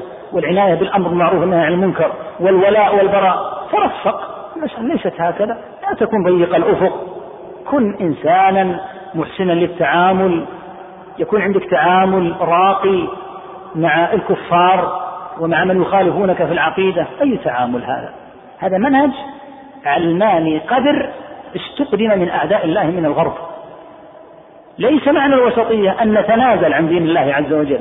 وأن نتساهل في أمر ديننا. هذا ليس وسطا هذا عبث ولعب بدين الله عز وجل. ولهذا من أعجب العجب أن يتحدث في الوسط من هم أبعد الناس عن الوسط. أكثر من أزعج الناس بالوسطية أعداء الله من الليبراليين. الوسط والوسط. أنتم في أشد ما يكون من طرف. أخزاكم الله وأراح الأمة من أمثالكم. أين أنتم من الوسط؟ وأنتم تستقدمون ما عند أعداء الله من الكفرة وتحسنون وتدعون إليه شباب المسلمين وشاباتهم حتى يكونوا على النهج القدر في الغرب. هذا أطرف الطرف وأخس الخسة وهو مقابل لطرف الخوارج. فأولئك غلاه وأنتم جباه. وقد ثبت عن النبي صلى الله عليه وسلم في الخوارج وفي هذا الصنف الخبيث أنه قال فيهم جميعا كلمة واحدة شرار أمتي. قال صلى الله عليه وسلم في الخوارج شرار أمتي وقال في هؤلاء الذين يجتربون إلى الأمة طرائق أهل الكفر من اليهود والنصارى قال ليحملن شرار أمتي على سنن من كان قبلهم أهل الكتاب حذو القذة بالقذة. وقال في الخوارج عليه الصلاة والسلام شرار أمتي. فدل على أن الشر في الطرفين في أهل الإفراط والزيادة والمبالغة من الخوارج والغلاة وفي أهل التفريط العابدين بدين الله. المعادين صراحة للأمر بالمعروف والنهي عن المنكر. المعادين صراحة لأمور الإسلام الكبار كالولاء والبراء والجهاد في سبيل الله الجهاد السليم الصحيح. الذين يريدون أن يعبثوا بالدين. ثم يقول هذا هو الوسط. كل أحد يدعي الوسط. حتى الشيوعي يقول إنه وسط واليهودي والنصراني. المسألة ليست لعبا. الوسط عند من يشهد أن لا إله إلا الله وأن محمد رسول الله واضح جدا. هو الذي عليه رسول الله صلى الله عليه وسلم. وهو الذي قال صلى الله عليه وسلم خط خطا مستقيما. فقال هذا سبيل الله. ثم خط عن يمينه وعن شماله خطوطا فقال هذه سبل على كل سبيل منها شيطان يدعو إليه. الوسط هو الذي قال الله وأن هذا صراطي مستقيما. النبي صلى الله عليه وسلم بعدما ذكر خط الخط قرأ الآية وأن هذا صراطي مستقيما فاتبعوه ولا تتبعوا السبل فتفرق بكم عن سبيله. ليس الوسط أن يجاوز الدين باسم الحماس وباسم الغيرة ويزاد على دين الله ويشوه دين الله عز وجل ويبغض للأمم. ليس هذا هو الوسط هذا هو الغلو. وليس الوسط التنازل عن دين الله عز وجل. دين الله عز وجل ليس ملكا لأحد. أنت تستطيع أن تتنازل عما تملك.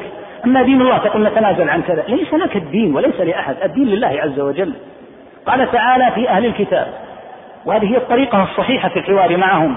فإن آمنوا بمثل ما آمنتم به فقد اهتدوا وإن تولوا فإنما هم في شقاق فسيكفيكهم الله. لست عليهم بمسيطر.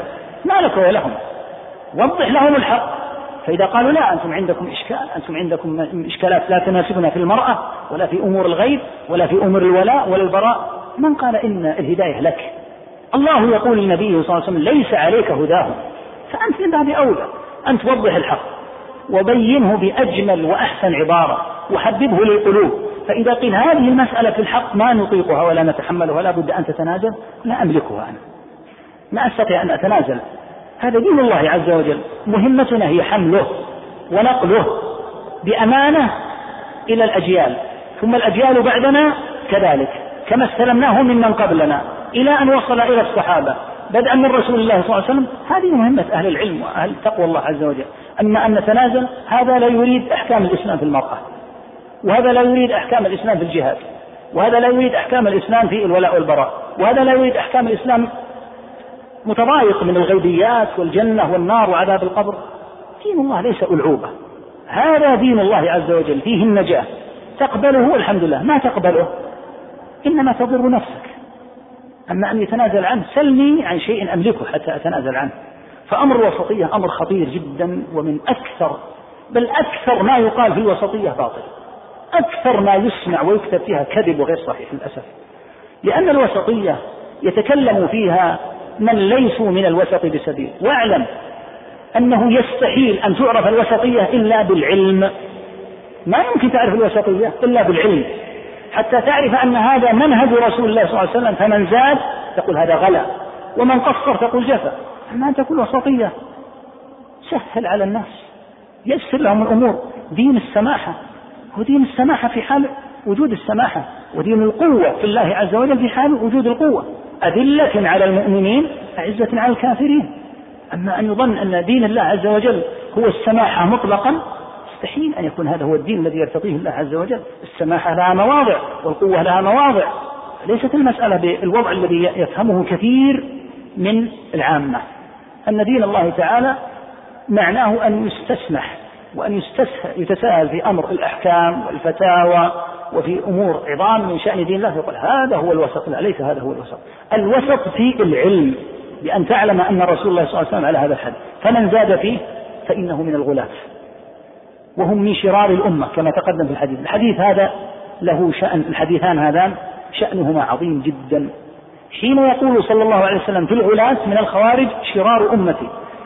وحين يقول في الجفاة الذين يحملون الأمة على سنن من كان قبلها شرار أمتي هذا يدل على أن من أبعد عن هذا الوسط فهو من أهل الشر.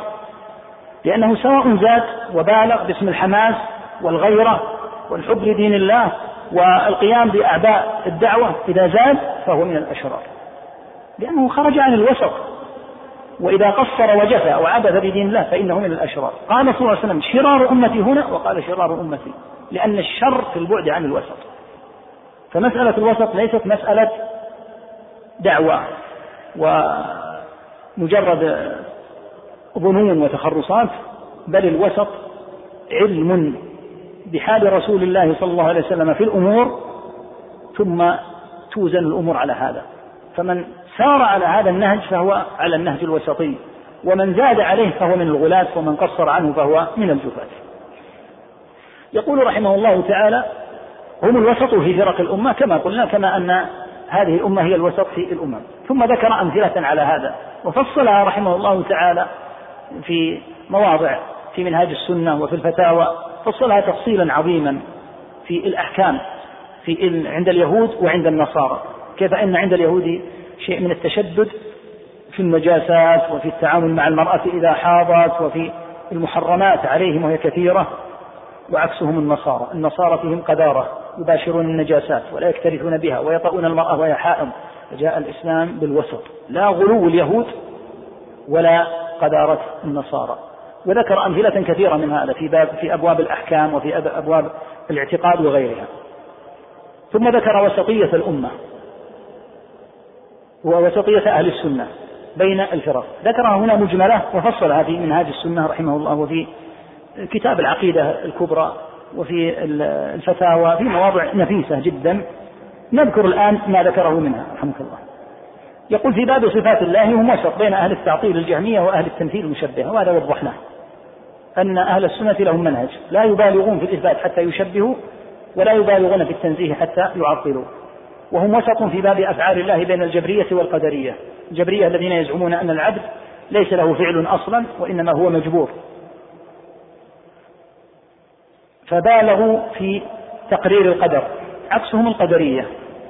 وهم طائفتان. القدرية الغلاة الذين ينفون علم الله أصلا بالأشياء حتى تقع ويقول الأمر محال إلى العبد بالكلية. والقدرية الذين خلفوهم وهم المعتزلة.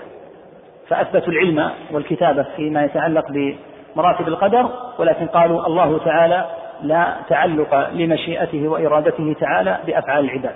فالعباد هم الذين يخلقون أفعالهم استقلالا عن الله نعوذ بالله من قالة أهل الزيغ. فأهل السنة وسط كما سيأتينا إن شاء الله بيانه في القدر بين الجبرية والقدرية. قال وفي باب وعيد الله بين المرجئة والوعيدية. الوعيدية هم الخوارج والقدرية يركزون كثيرا على الوعيد ولهذا يكون عندهم شدة عندهم شدة مبالغ فيها في شأن العصاة فيتعاملون معهم ويحكمون عليهم حكما أكثر من الحكم الذي بينه الله تعالى. فالخوارج ترى أن صاحب الكبيرة كافر ولهذا نقول لهؤلاء الموجودين الآن من الإباضية إنكم من الخوارج. فيأبون نقول انظروا عقيدتكم في صاحب الكبيرة. عقيدتكم في صاحب الكبيرة هي عقيدة أسلافكم السابقين. وهم الخوارج الذين يعظمون القالة لصاحب الكبيرة وصاحب الكبيرة من أهل الملة مسلم لا شك وهو فاسق بما عنده من كبيرة وهو تحت مشيئة الله. إن شاء الله تعالى غفر له وإن شاء عذبه كما قال تعالى إن الله لا يغفر أن يشرك به ويغفر ما دون ذلك لمن يشاء. فما دون الشرك مما يقع من عصاة أهل هذه الملة يمنعون تقام فيهم أحكام الله يحتسب عليهم نعم لكن ليسوا كفارا. لا يبالغ هذه المبالغة. فالوعيدية من الخوارج يقولون إنهم ينتقلون بالكبيرة إلى حكم الكفار. المعتزلة ابتدعوا بدعة قالوا لا نقول إنهم كفار ولا نقول إنهم مسلمون ولكن نقولهم في منزلة بين المسلمين وبين المسلم وبين الكافر. منزلة يسمونها منزلة بين المنزلتين. وفي الآخرة قالوا نقول كالخوارج هو مخلد في النار. فبالغوا مبالغة شديدة. عكسهم المرجئة. المرجئة سموا بالمرجئة من الإرجاء. وهو أنهم يؤخرون العمل يخرجون العمل عن الإيمان. ركزت المرجئة عكس ما ركزت الخوارج. ركزت على الآيات والأحاديث التي وردت بالعفو والمغفرة والصفح.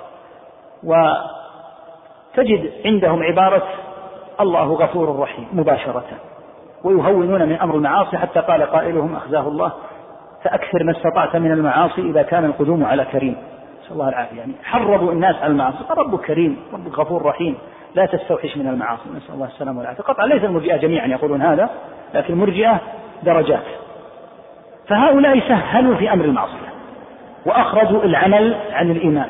وقالوا العاصي لا ينقص إيمانه ولا يضعف بل إيمانه مثل إيمان جبريل وميكائيل. فجرأوا العصاة على المعاصي وجرأوا العصاة على ترك الطاعات عكسهم في الوعيدية وهم الخوارج والمعتزلة كما قلنا في شدتهم على صاحب الكبيرة فأهل السنة بحمد الله وسط يمنعون أمر المعاصي ويحتسبون على أهلها وينكرون المنكر ويقيمون الحدود عليهم ويقولون إن هذه المعاصي قد يعاقبون عليها العقوبة الشديدة في دنياهم وفي قبورهم وقد يدخلون بها النار كما دلت النصوص لكن أمرهم إلى الله. إن شاء عفى عنهم وإن شاء عذبهم لأنهم مؤمنون بما عندهم من إيمان فاسقون بما عندهم من فسق فتوسطوا بين قول هؤلاء وقول هؤلاء. وفي باب أسماء الإيمان والدين بين الحرورية والمعتزلة وبين المرجئة والجهمية. أسماء الدين الأسماء التي أطلقت. مسلم مؤمن فاسق عاصي منافق هذه أسماء دينية أطلقها الشرع. هذه الأسماء ضلت فيها الفرق أعظم الضلال. نفس الوضع. الحرورية مقصود الحرورية الخوارج. نسبوا إلى حروراء وهي بلد انحازوا إليها زمن علي رضي الله عنه فنسبوا إلى هذا البلد حروراء الحرورية وسائر الخوارج والمعتزلة في أسماء الإيمان بالغوا مبالغة شديدة كما قلنا فالخوارج صاحب الكبيرة هو مسلم لا شك في ذلك. لكنه عاصي فيجتمع أن يكون مسلما عاصيا. لم يستطيعوا أن يستوعبوا أنه مسلم عاصي. قالوا إما أن يكون مؤمنا عنده إيمان كامل وإما أن يكون كافرا. فغيروا في أسماء الدين. فاسم الدين فيه فاسق وفيه عاصي فيه ظالم فيه كافر فيه منافق. النفاق منه نفاق أصغر ونفاق أكبر وهكذا الكفر والشرك. ليست إطلاقا واحدا هم ليس عندهم إلا شيء واحد إما أن يكون على الوضع الذي يرونه ويكون أيضا واحدا منهم على نفس طريقتهم ومعتقدهم وإلا فهو كافر. فبالغوا هذه المبالغة. المرجئة سهلت من أمر المعاصي وأضاعت الدين إضاعة شديدة جدا. حتى كانوا كما قال بعض السلف جعلوه كثوب البساسري أو البسادري نحوه ثوب شفاف. صار رقيقا جدا. لعبوا بالدين لعبا عظيما جدا بمثل هذه التصرفات. فهونوا من المعاصي وقال المعاصي شديدة وصاحب الكبيرة الفاسق ترد شهادته ولا تقبل ويجب أن يحتسب عليه وأن يقام فيه حكم الله ولا يسهل من أمر المعاصي. فسهلوا من أمر المعاصي قال صاحب الكبيرة عنده إيمان كإيمان جبريل وميكائيل. فغيروا في أحكام الدين. أهل السنة ولله الحمد وسط. قالوا هو مؤمن بما عنده من إيمان صاحب الكبيرة فاسق بما عنده من فسق فيجتمع فيه الأمران. ثم الناس يتفاوتون في درجات الإيمان فالإيمان يزيد وينقص وحتى الفسق يتفاوت في شأنه فمنه فسق أعظم وهو فسق الكفار وهو فسق الذي ذكر الله عن إبليس ففسق عن أمر ربه. فسق فسق كفر. لأن الفسق يطلق على الكفر. وهناك فسق دون ذلك. إن جاءكم فاسق بنبأ فيكون من فساق المسلمين. كأن يكون كاذبا في حديثه أو نحو ذلك. فأسماء الدين من الخطر البالغ جدا أن يلعب فيها. لأن لاحظ شيئا. اسم الدين معه ماذا؟ معه حكم. أسماء الدين معها حكم. فإذا قلت إن صاحب الكبيرة كافر معناه أن صاحب الكبيرة يحل قتله. أصحاب الكبائر لهم حدود وكونهم لهم حدودا معنى ذلك أنهم ليسوا كفارا فكون السارق إذا سرق قطعت يده لا يعني ذلك أنه كافر لأنه لو كان كافر لما اقتصر على قطع يده لو كان كافرا لقتل على الردة لكن تقطع يده ويترك والشارب يجلد ويترك فلو كان شارب الخمر كافرا لما جلد وترك بل قطعت رقبته على الردة أيضا لأن قد يقتل المسلم قتلا لا على الردة لو قتل أحدا فإنه يقتل به لكن لا يكون قتله قتل المرتد وإنما يكون قتله قتل المسلم الذي قتل أخاه المسلم. فكلاهما سماه الله تعالى بالأخ. قال تعالى فمن عفي له من أخيه شيء هذا في قتل العمد. فمن عفي له من أخيه شيء فاتباع بالمعروف فسمى الله القاتل ووريث وولي الدم من المقتول سماهما أخوين. وقال تعالى وإن طائفتان من المؤمنين اقتتلوا فدل على أنه يمكن أن يقع الاقتتال وهو كبيرة بين المؤمنين ففصل أهل السنة هذا التفصيل. أما الخوارج فما استطاعوا أن يستوعبوا ولهذا تلاحظ الخوارج عندهم التكفير سريع جدا سريعون جدا إلى التكفير والتكفير عندهم ليس له قاعدة. لو تنظر في قاعدة التكفير عند الخوارج وتسبرها سبرا دقيقا جدا لاختصرتها في كلمة واحدة. من خالفني فهو كافر. هذه طريقة الخوارج. لكن أن تكون دقيقة على وفق التكفير في كتاب الله وفي سنة النبي صلى الله عليه وسلم أبدا ليسوا كذلك. ولهذا ابتلي الخوارج في أنفسهم بتكفير بعضهم بعضا. لأن التكفير ما عنده قاعدة الخارجي ما عنده قاعدة التكفير. من هو الكافر الذي يخالفني؟ شأنك صار شأن الرسل بهذه الطريقة. من خالفك كفر من خالف ما تقرره كفر. هذا أمر عظيم وخطير جدا أن يقال لأنك جعلت نفسك في مقام الرسل الذين يخالفون الرسل المخالفة الكفرية يكفرون أيضا لأنه قد يخالف الرسل مخالفة معصية. فلو تنظر في الأزارقة النجدات الإباضية الخوارج متقدمهم ومتأخرهم ليس هناك قاعدة دقيقة في التكفير. لأن الخارجي سريع جدا إلى التكفير. إذا غضب كفر. إذا لم يستوعب المسألة كفر. عكسه المرجع. المرجع يفتح الباب ويسهل من أمر المعاصي. بل قد يدخل المرجئة في الدين من هم كفار فعلا من شدة التساهل. فنحمد الله على السنة ونسأله الثبات على الوسط الحقيقي الذي بين هؤلاء الغلاة وبين هؤلاء الجفاة قال وفي باب أصحاب رسول الله صلى الله عليه وسلم بين الرافضة والخوارج. يأتينا إن شاء الله تعالى الكلام على الصحابة رضي الله عنهم والرافضة معلوم موقفهم سنتحدث عنه. لكن هل الخوارج نالوا من أصحاب النبي صلى الله عليه وسلم؟ نعم. وهذا كله من دلائل ما عند الخوارج عياذا بالله من الشطط. أفضل الأمة وأجل الأمة والذين لهم الفضل على الأمة إلى قيام الساعة بعد رسول الله صلى الله عليه وسلم أصحاب رسول الله. ومع ذلك ما سلم أصحاب رسول الله صلى الله عليه وسلم من نقد الخوارج وهذا يدل على أن الخارجي الخارجي في واقع الأمر مع جهله بالنصوص كما جاء فيهم آه، انطلقوا كما قال ابن عمر انطلقوا إلى آيات نزلت في الكفار فجعلوها على المسلمين. أن عنده شيئا من الغرور. كما جاء عنه عليه الصلاة والسلام أنه قال سيخرج رجل لا يكلمه منكم أحد فلما أتى قال أنشدك الله. أترى نفسك أفضل من غيرك؟ قال اللهم نعم. هذه صفة في الخوارج حتى لو لم يشعروا بها. يرى الخارجي أن إليه المنتهى في التقوى وفي الدين وفي الخير وفي العلم وفي كل شيء. هذه بلية كبيرة. معها البلية الأخرى. وهي قوله صلى الله عليه وسلم كما ثبت عنهم كما ثبت عنه عليه الصلاة والسلام في مسلم في شأن الخوارج وهذه خطرة جدا على الخارجي وعلى غير الخارجي قال يقرؤون القرآن يحسبون أنه لهم وهو عليهم. فيقول الدليل عندي قال الله والدليل عليه وليس له. ولهذا هو ينطلق مثلا في سفك الدماء وغيره يقول أنا عندي آية من القرآن يقول تعالى كذا. مع قول ابن عمر انطلقوا إلى آيات. نزلت في الكفار فجعلوها على المؤمنين. ولهذا يسهل على الخارجي القتل لأنه يظن أن القرآن يؤيده والآيات نزلت في كفار وأنزلها على مؤمنين كما قال ابن عمر رضي الله عنه. ولهذا يرى أنه على صواب وأنه الآمر بالمعروف الناهي عن المنكر الحدب على الأمة القائم بالإسلام حق القيام. ولهذا لا يكاد يسمع الخارجي سبحان الله. الخارجي لا يكاد يسمع.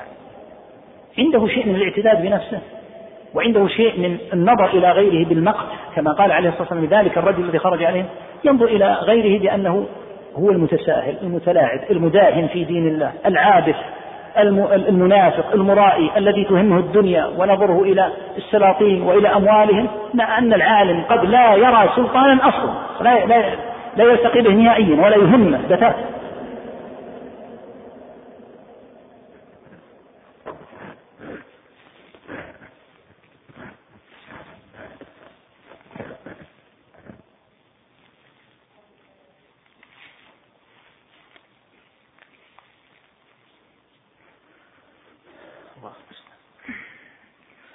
الحاصل أن هذا باب خطير جدا أن يخرج عن الوسط الذي كان عليه أهل السنة والجماعة. والخطر أن يؤتى إلى الإنسان من باب الحرص على الدين والحذر عليه والحرص عليه والأمر بالمعروف والنهي عن المنكر والقيام بأمر الله فيلعب به الشيطان من حيث لا يشعر. ولهذا قد يستغرب طالب العلم. وفي باب أصحاب رسول الله صلى الله عليه وسلم أهل السنة وسط بين الرافضة والخوارج يعني هل نال الخوارج من الصحابة؟ نعم. لأن الخارج يقول نالت معتد بنفسه. فبلغت بهم الأمور أن رأوا أن عثمان رضي الله عنه خرج عن أحكام الله وتلاعب بدين الله فدخلوا عليه رضي الله عنه في شيبته وكبر سنه وقد جاوز الثمانين وقتلوه رضي الله عنه في بيته بين أهله وعند زوجته. وقد كانت عنده قبل زوجته هذا بنتان من بنات رسول الله صلى الله عليه وسلم. فمعنى ذلك أن هؤلاء الهمج لو أطيل في عمر رقية وأم كلثوم لما اقتربوا أن يدخلوا على عثمان ويقتلوه بين بنتي رسول الله صلى الله عليه وسلم. ثم كمنوا لعلي رضي الله عنه فقتلوه رضي الله تعالى عنه وأرضاه واتجهوا إلى عمرو ليغتالوه ابن عاص فصلى بدلا منه خارجه فقتلوا خارجه وضرب الخارجي معاوية لأنهم اضطروا أن يغتالوا الثلاثة عمرو ومعاوية وعلي رضي الله عنه لم يفكرون عندهم طريقة أن الاغتيالات هذه ستحل المشكلة. قالوا ثلاثة أشخاص علي وقتله ابن ملجم وعمر في مصر واتفقوا في يوم واحد فعمر رضي الله عنه وكلهم آه، يعني حددوا اليوم بصلاة الفجر. فعلي رضي الله عنه قتله ابن ملجم وعياذا بالله نسأل الله لا يزيغنا في الزائغين جعل السيف في سم أشربه بالسم بحيث لو ضربه ضربة ما صارت ماضية يمضي السم منه رضي الله عنه. فضرب عليا كما قال عليه الصلاة والسلام أشقاها يا علي قاتل الناقة وأشقاها من يضربك على هذه. يشير صلى الله عليه وسلم إلى رأسه فيسيل الدم على هذه فكمن لعلي وقتله في صلاة الفجر.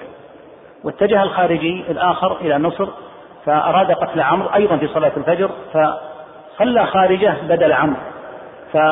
ففي ظلمة الليل ضرب الرجل يظن أنه عمرو بن العاص وإذا به خارجة فقال كلمة صارت مثلا أردت عمرا وأراد الله خارجة.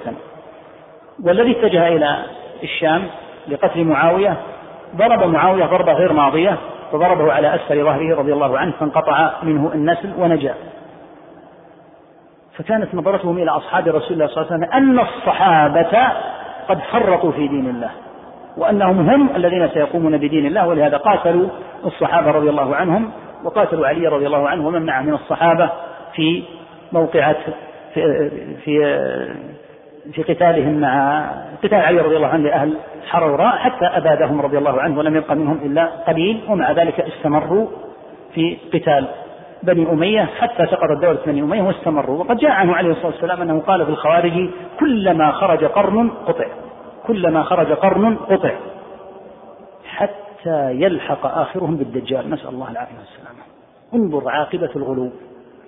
عاقبة الغلو ونهاية الغلو أن يلحق هؤلاء في الدجال بالدجال. الذي يدعي الربوبية. نسأل الله العافية والسلامة فالوسط الوسط الوسط الحقيقي الذي عليه أهل السنة والجماعة لا يمكن أن تناله إلا بالعلم المؤصل على ما عليه أصحاب رسول الله صلى الله عليه وسلم. ولهذا قلنا اعتنوا عناية كبيرة بموضوع كتب العقيدة المسندة التي تروي عن الصحابة وتنقل عن التابعين رضي الله عنهم. حتى تعرف الوسط حقا وتروي عن أئمة الإسلام وتربط ما بين علماء السنة في الحديث بعلماء السنة ممن قبلهم إلى زمن الصحابة وتربط الأمور بالأحاديث. وإلا فإنك قد تزيغ وتضيع من حيث لا تشعر. نسأل الله العفو والعافية.